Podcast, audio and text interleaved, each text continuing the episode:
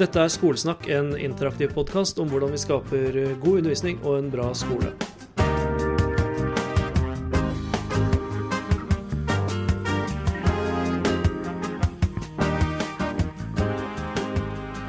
Hjertelig velkommen tilbake til en ny episode av eh, Skolesnakk. Vi er tilbake i Norge etter påskens virtuelle utflukt til eh, Spania. Og det skal handle om eh, trivsel eller mistrivsel, om godt eller dårlig psykososialt miljø. Og den som er med meg, er Kjerstin Ovren, mobbeombudet i Oslo. Er det òg Viken og Buskerud og alt, eller er det Nei, det er, det er heldigvis bare Oslo. Det er bare Oslo, mer enn nok å ta tak i der. Ja, det er det. Um, ja, vi har jo snakka sammen før, vi, i podkasthistorien. Um, men for nye, nye, lyttere, hva gjør et mobbeombud? Et eh, ombud er jo et sånn gammelt norrønt ord. Det betyr å tale noens sak som ikke kan tale sin egen. Så jeg er ombud for barn og unge i Oslo kommune og skal ivareta deres eh, trygghet og tilhørighet Eh, gjennom å kontrollere at retten til trygt og godt psykososialt miljø er gjeldende både i barnehage og skole. Ja. Stor, viktig og sikkert en utfordrende jobb. Uh, og um, ja, hvordan er, hvordan er, det å passe på at barn og ungdom har det bra i hjemmekontorets tidsalder? Du, du, sitter vel hjemme du også, regner jeg med?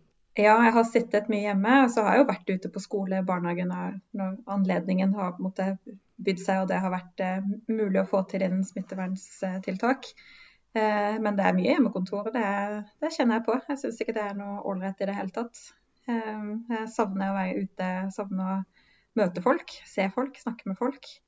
Eh, ja. så, og jeg, jeg, har jo stillingen alene for før, så jeg, jeg er jo liksom alene som mobbeombud, så man føler seg kanskje litt sånn dobbelt alene på hjemmekontor ja. som mobbeombud. Nei, men Så hyggelig at du vil sitte her og ta en kaffe eller et eller annet med meg nå, da. Ja. det er viktig å ta seg tid til det. Er det noe, Jeg syns jeg så en kopp, eh, hvis jeg tolket det riktig, var det fotballrelatert krus du hadde med deg i dag?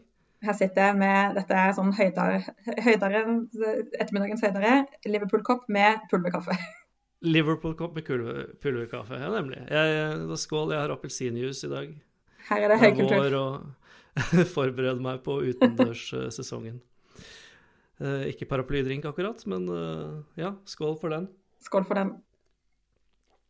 Så får alle United-supporterne finne seg en annen podkast å høre på, eventuelt. Sånn er det. Det finnes masse av de. Nei da. Men um, du har jo akkurat nå vært og lagt fram din altså En av oppgavene dine som mobbeombud er jo å, å rapportere, da. Lage rapport hvert år, ikke sant? Mm. Og nå, rett før vi uh, begynte å snakke sammen, så har du vært jeg så for meg at du hadde vært i rådhuset i den store salen og sånn. Jeg glemte at det var pandemi, og at det sikkert var digitalt. Men du har vært og lagt fram rapporten som i år uh, har overskriften 'Hvem kan seile uten vind?' Mm. Og barn og unges rettigheter i og etter en unntakstilstand. Og hva er egentlig mandatet for den rapporten? Altså hva er det liksom du blir bedt om å gjøre? Nei, Jeg har jo et mandat eh, som eh, slår fast at jeg skal rapportere til politikerne årlig om eh, hva jeg har drevet med. Så jeg har jo nå skrevet en rapport som handler om 2020. Og fram til midten av mars 2020 så holdt jeg på med helt vanlige ombudsting. Mye ute på skoler, i barnehager, mye, mange møter, mange samtaler.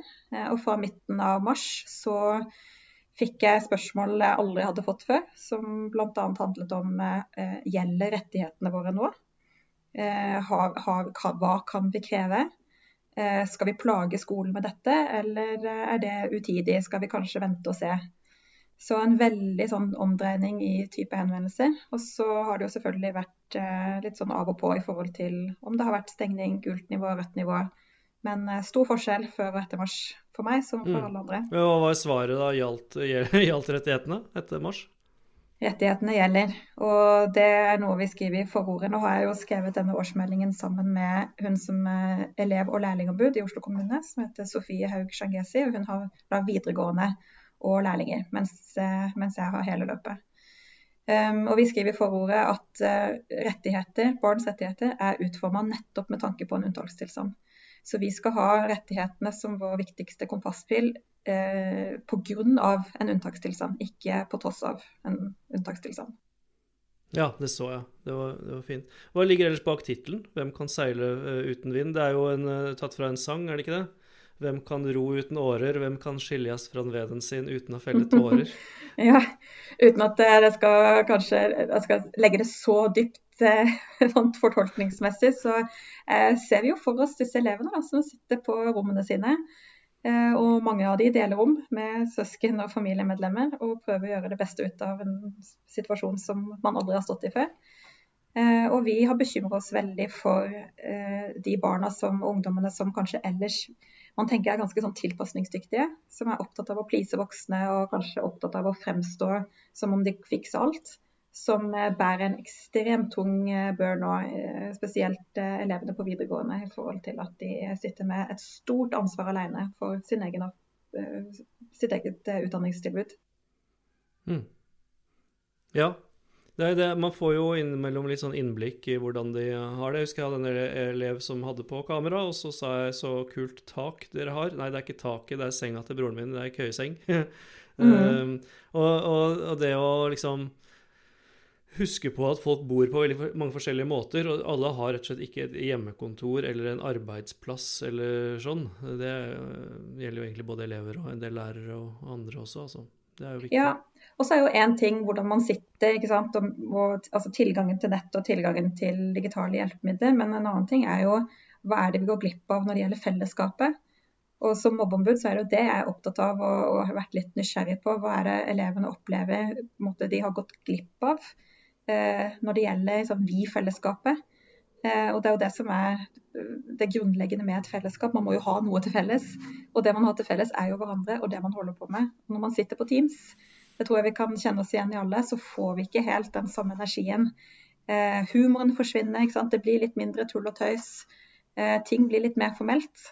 Eh, og det er jo sånne småting, eh, sånne lysglimt, som er sånn typisk lim i gode relasjoner.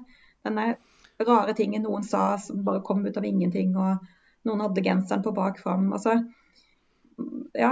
Men for, for, Har de tingene der forsvunnet da, mener du? Altså, det, Var det hypotesen deres, eller fant dere ut at det stemte? For jeg syns vi har mye tull og tøys på Det er mulig det er bare når jeg raller rundt på Zoom og sånn, men uh, var, var det hypotesen, eller fant dere ut at, at de hadde mista mye? Nei, vi, altså, vi, gikk egentlig inn i uh, Når vi begynte å intervjue elever da, og, og stille spørsmål og sende ut spørreundersøkelser, så var vi egentlig bare altså, kjempenysgjerrige. Eh, visste veldig lite om, eh, om, hvordan elevene hadde det, fordi vi har ikke hørt så mye om det. Um, vi har jo lest uh, Nova, uh, kartleggingen om ungdomstiden i Oslo men, i, i, pandemi, men vi har liksom ikke hørt så mye om altså, enkelthistoriene. Så dette her var det elevene selv som satte ord på. Da, at de, de, mangler og savner den der spontane, uh, morsomme liksom, Eh, energien som oppstår i et fysisk rom hvor flere er til stede, og spesielt i et rom hvor det er flere til stede som faktisk er eh, ordentlig glad i hverandre og, og, har lyst til å få hverandre til å le. Klassemiljøet har jo lidd for veldig mange under den eh, perioden vi har vært i. Eh, og jeg tror nok at elever som har følt seg utafor før, har nok ikke eh, altså føler seg ikke mindre utafor nå når de kommer tilbake. Fellesskapene er der jo likevel på sosiale medier. Så, mm. ja, så vi, vi, har snakket med mange elever som, som, setter ord på at de opplever litt sånn maktesløshet og litt tomhet. Eh, og et savn. Eh, og at de tyr lettere til tårene og eh, begraver seg i skolearbeid. Men så snakker vi også med elever som syns det har vært veldig fint å være i kohorter, f.eks. Som syns at det har vært en kjempefin mulighet for å bli bedre kjent med medelevene sine og, og komme nærmere lærerne, ikke minst. Så det er jo ikke bare mørkt her, men det er liksom viktig å se på det fra et rettighetsperspektiv. Og se på har vi klart å oppfylle elevenes rettigheter i en unntakstilstand. Ja, har vi det? Nei, vi har jo ikke det forholdet. Det har vi ikke. Um, og, det, og, det, betyr ikke at eh, det ligger noe sånn vond vilje eller dårlig intensjon eh, bak, men det handler nok om at man har vært uh, i en pressa situasjon hvor smittevern har vært det viktigste uh, i et helhetsperspektiv. Eh, og det var en elev som satte ord på det at det føltes ut som at skolen bare skulle gi dem noe å holde på med for å liksom holde dem aktive. Men det har ikke vært eh, dessverre like høy kvalitet på det alle elevene har fått på, på hjemmeundervisning. Eh, og heller ikke elevene som har vært på skolen som har fått litt sånn ekstratilbud som har vært sårbare. Har, for noen av de har spilt mye ludo, da.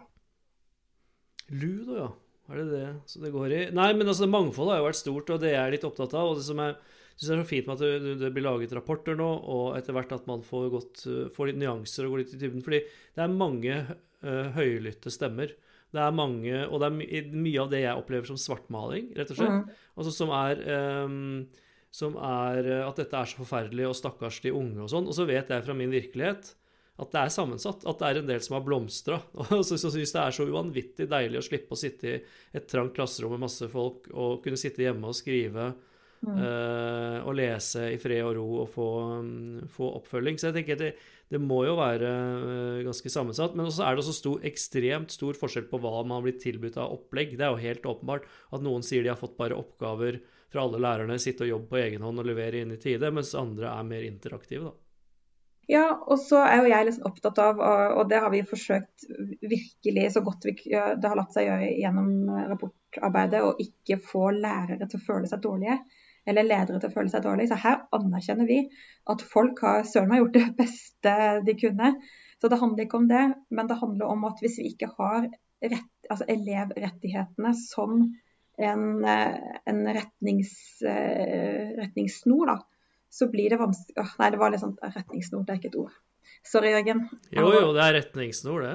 Jeg tar en, bare en liten Ta en kopp kaffe. En mm. retningssnor Rettesnor det er det du setter deg en metafor. Det settes opp uh, Hvis du skal lage en mur, så setter du opp en snor for å holde rett. Så det er helt Nå har jeg liksom eh, snakka ja. om tittelen på rapporten, og så tar jeg den. Og det er sånn man blir litt skadd når man har hatt en del litteraturvitenskap og Blindern bak seg. Da skal man tolke alt sånt. Men da kan jeg si det, det som For her var det et godt poeng, skjønner du. Det som har vært viktig for oss når vi har jobbet med rapporten, det er å skrive den sånn at det er ingen som skal sitte og føle at de har gjort en dårlig jobb av lærere eller skoleledere. Her anerkjenner vi virkelig at man har gjort det beste man, man har kunnet. Men det er interessant å se fra et rettighetsperspektiv hva som har gått tapt. Og Det betyr ikke at man skal svartmale. og Jeg er også veldig opptatt uh, av det du sier der, Jørgen. At uh, vi, vi, det er viktig at vi balanserer bekymringene våre samtidig som vi eh, løfter fram en optimisme og fremtidshåp på, på vegne av en oppvoksende generasjon. Eh, eller så blir det en selvoppfyllende profeti, tror jeg. Um, men det som er interessant, det er jo å se på hvilke rettigheter er det som har lidd mest da, i den perioden som har vært i 2020. Og vi ser at elevene med spesialundervisningstiltak uh, har fått veldig lite uh, tilrettelegging. Det er elever med dysleksi, med konsentrasjonsvansker, som har opplevd å på en måte bli etterlatt til seg sjøl.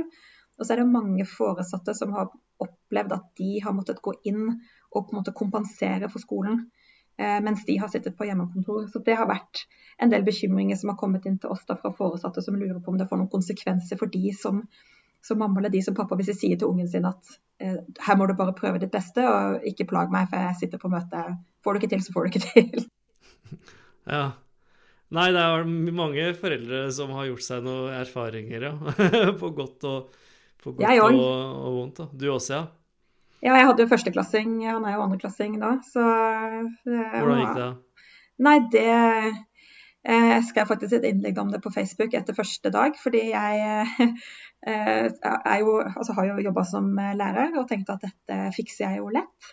Eh, jeg satte, kjøpte, hadde en liten tavle som jeg hentet opp fra boden, og kjøpte noe kritt. Og tegna opp og liksom klokka ni skal vi det, og klokka ti skal vi det. Eh, og 45 minutter inn i det opplegget så holdt jeg på å klikke.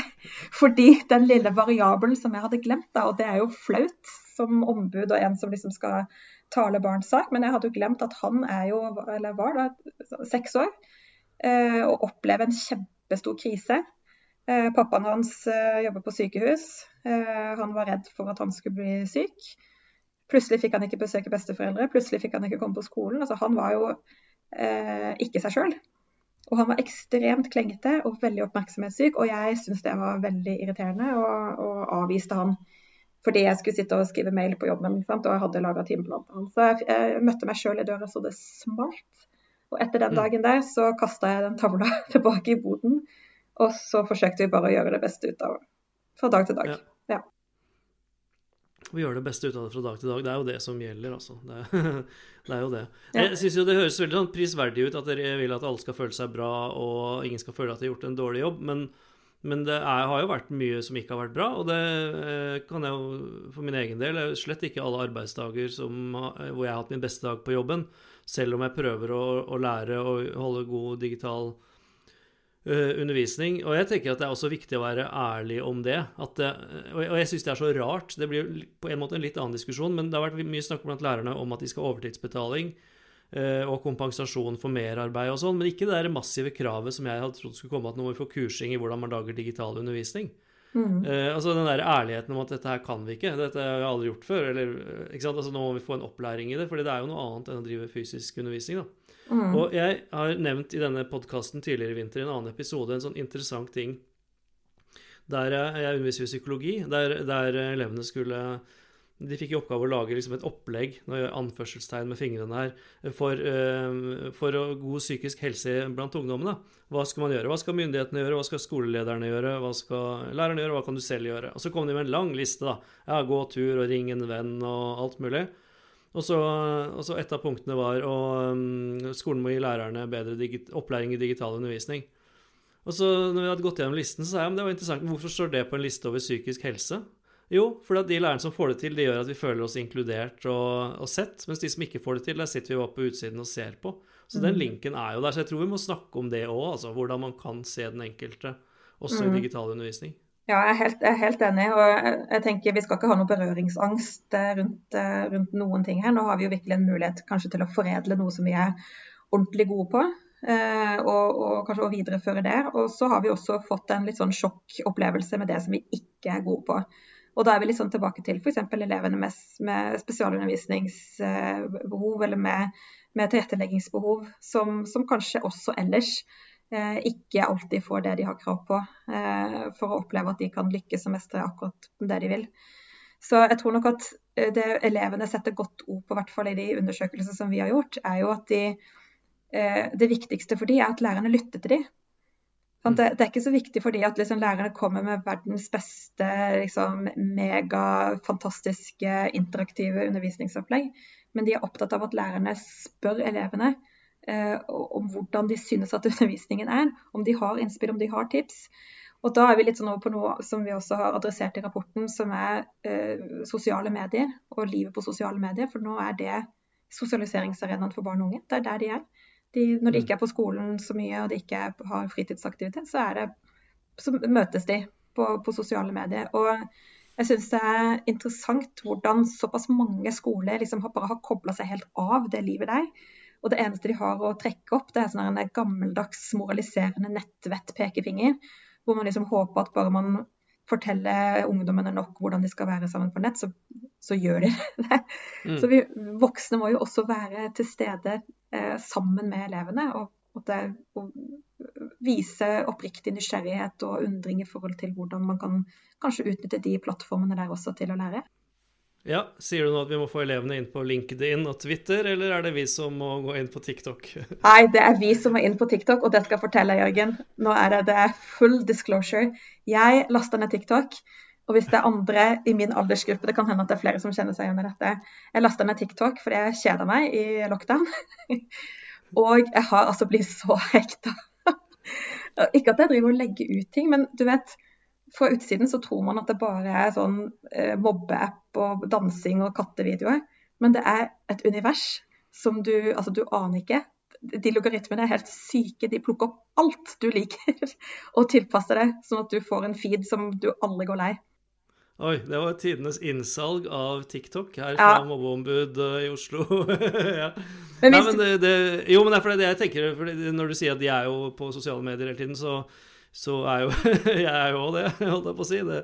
Men jeg føler at jeg treffer aldri elever der, for at vi er liksom litt forskjellige forskjellige arenaer, da. Ja, altså Hvis det er Twitter og, og LinkedIn du, du, ser for deg som liksom dine viktigste sosialiseringsarenaer, så skjønner jeg at du ikke møter så mange. Nå må du ikke mobbe. Nei, jeg prøver i det hele tatt å være mye offline og se på ekorn og fugler i parken. Ja, det er sånn, Før så snakka man om livet sånn online og offline, men man gjør ikke det lenger. vet du. Alt er online. Livet er online.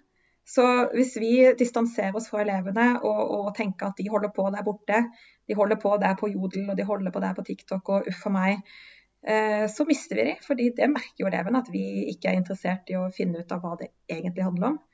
Så mm. da er vi liksom tilbake til det rådet den ene eleven ga deg i forbindelse med digital hjemmeundervisning. Snakk med oss. Snakk med elevene. Snakk med oss, snakk med mm. oss, vær interessert. Ja, og det er det jeg tenker. Vi kommer tilbake til at det er de viktige tingene som gjelder uansett om det er hjemmeundervisning eller digital undervisning eller fysisk undervisning. Vi skal være interessert i elevene, lytte til dem og se dem og ha en kommunikasjon med de redskapene som vi har, da. Hvordan ser du for deg at 2021 eh, utvikler seg? Hvilke muligheter vil det være for å få ivaretatt rettighetene til elevene? Og hvem kan, hvem kan gjøre noe for det? Eh, ja, Med fare for å gå inn nå i en sånn ombudsklisjé, eh, eh, så er jo jeg veldig bekymra. Jeg er veldig bekymra for veldig mange elever. Det handler ikke bare om de elevene som, som, har hatt det veldig vanskelig hjemme, men det handler om elevene som har mista noe veldig viktig som hjernene deres trenger for å utvikle seg, og det er lek og samspill og sosial omgang. Og, og omgi seg med masse typer mennesker eh, som man lærer masse av både gjennom å være sammen med og også i forhold til seg sjøl. Um, ehm, så jeg tenker at er det én ting 2021 må sørge for, så er det at ressursene må tettere på skolene, tettere på elevene. Uh, ingen elever skal vi sitte og vente og se om det går over noe med. Ingen mobbesaker skal vi håpe at uh, blir borte bare vi snakke litt med foreldrene. Altså, vi må tørre nå å være såpass ærlige med oss sjøl at vi har utfordringer som ikke løser seg av at vi snakker om det på, på fine møterom. Så vi må ned ut på skolene, vi må snakke med elever, snakke med lærere, snakke med lederne. Det er de som er ekspertene. Det er de som kan fortelle både meg som ombud og politikere og byråkrater og hvem det måtte være, hva det er de trenger. Mm. Ja, så fint. Og, og, det du sier om lek her, altså jeg tenker eh, Det står det i rapporten om på en måte at de etterlyster lekenhet og alt det derre Alt det som vi kan putte i den store uh, uh, sekken der. Så jeg ser jo for meg Jeg må bare må, jeg har to episoder om lek i skolen som er, ligger i feeden, som du må høre en gang hvis du vil, for de ble veldig fine. Uh, jeg ser for meg at når det blir mer fysisk og vanlig skole, at da må vi fokusere på det. Jeg håper liksom ingen skal si nei, nå er vi tilbake på skolen, nå må vi virkelig ta igjen alt hullet hull i læringen, så nå skal vi sitte og pugge og se ned i pulten og ikke se på hverandre. Det skal være sånn derre mylder av lek og kreativitet og samarbeid og interaksjon mellom elever og mellom lærere og alt sånt. Er du med på det? Ja, jeg er veldig enig i det. Og jeg har også vært kritisk til at man har, at man har anvendt disse vendingene her. Hull kunnskapshull. Sånn, elevene får hull av, av, pandemi. Det, vi kan ikke se på læring og kunnskap på den måten. Det hører ingen steds hjemme. Det, det, det, må vi bare legge død, tenker jeg. At det sitter elever med sånn læringshull rundt forbi. Vi må heller gripe den sjansen vi får nå, når ting åpner opp litt igjen. Og så må vi erkjenne at det er gjennom lek, det er gjennom dialog, det er gjennom samarbeid, det er gjennom å være sammen at mennesker også er mest mottakelig for å uh, både utvikle seg sjøl, men også kanskje å bidra positivt inn i fellesskap. Um, så, nei, så jeg er helt enig. Jeg skal, jeg skal sjekke ut. Jeg har hørt den ene. Jeg skal høre ut begge. jeg må lov å pitche sånt, nei, skryte litt av sånt når du likevel nevner det. Det er lov. Fordi det er noe jeg, noe jeg brenner for. Du, vi begynner å nærme oss slutten på denne lille kaffe- og juspraten. Hvis du skal ha Nå har du Jeg føler jo liksom du har hatt en sånn enorm appell eh, nå til meg og til oss alle hele veien. Hvis du skal ha en sånn sluttappell, hva er det som gjelder nå for lærere som gjør så godt de kan, som, og som gjør mye bra, og sånn resten av dette skoleåret, hvis du skulle liksom bare ta roperten og si hei, alle sammen, vær så mm. god. Mm. Um, før pandemien så var vi uh, et, uh, et, samfunn som eh, løfta fram enkeltindividene i ganske stor grad. Eh, et samfunn fullt av individualister. Eh, og I løpet av pandemien så har vi på en måte virkelig fått gå inn og kjenne på hvor eh, kjipt det er å være isolert. Og hvor lite fruktbart det er å være bare et, et lite individ. Vi trenger flokken for å ha det bra. Ingen elever skal oppleve å stå å stå alene, eh, enten eh, med tanke på medelever eller med trygge voksne i, i, skolemiljøet. Og ingen lærere skal heller oppleve å stå alene og oppleve at de ikke får tilstrekkelig hjelp og støtte til å gjøre en så god jobb som mulig. Og ingen skoler skal oppleve at de står alene. Eh, det høres jo helt utrolig fint ut. Og jeg tenker, du skal jo sikkert skrive rapport for 2021 også, da. Og nå hadde jo tittelen nå i år 'Hvem kan seile for uten vind'? Da kan jeg gjerne spille inn et forslag til en tittel Eh, med litterær dybde til neste år. Det var den Anna Gevalda-romanen uh, 'Saman er ein mindre aleine'. Ja. det kan være tittel, kanskje. Jeg håper at det blir tittelen. Vet du hva, jeg noterer, jeg noterer det. Veldig fritt etter hukommelsen. Veldig fritt etter hukommelsen. Jeg setter det på en Post-It her på hjemmekontoret og håper at jeg ikke sitter her neste år når jeg skriver rapport, men jeg uh, blir nok sittende her en stund til. Det får du gjøre. Eh, Kjerstin, tusen takk for uh, praten. Jeg går ut fra at denne rapporten kan folk lese um, at den er offentlig tilgjengelig. Den ligger så, på Bobbobudets Facebook. Så da linker jeg til den også fra siden. Tusen takk for at du var med, og så ser jeg fram til å snakke med deg igjen uh, når det måtte bli. Og til deg som hører på, tusen takk for at du er med. Vi snakkes.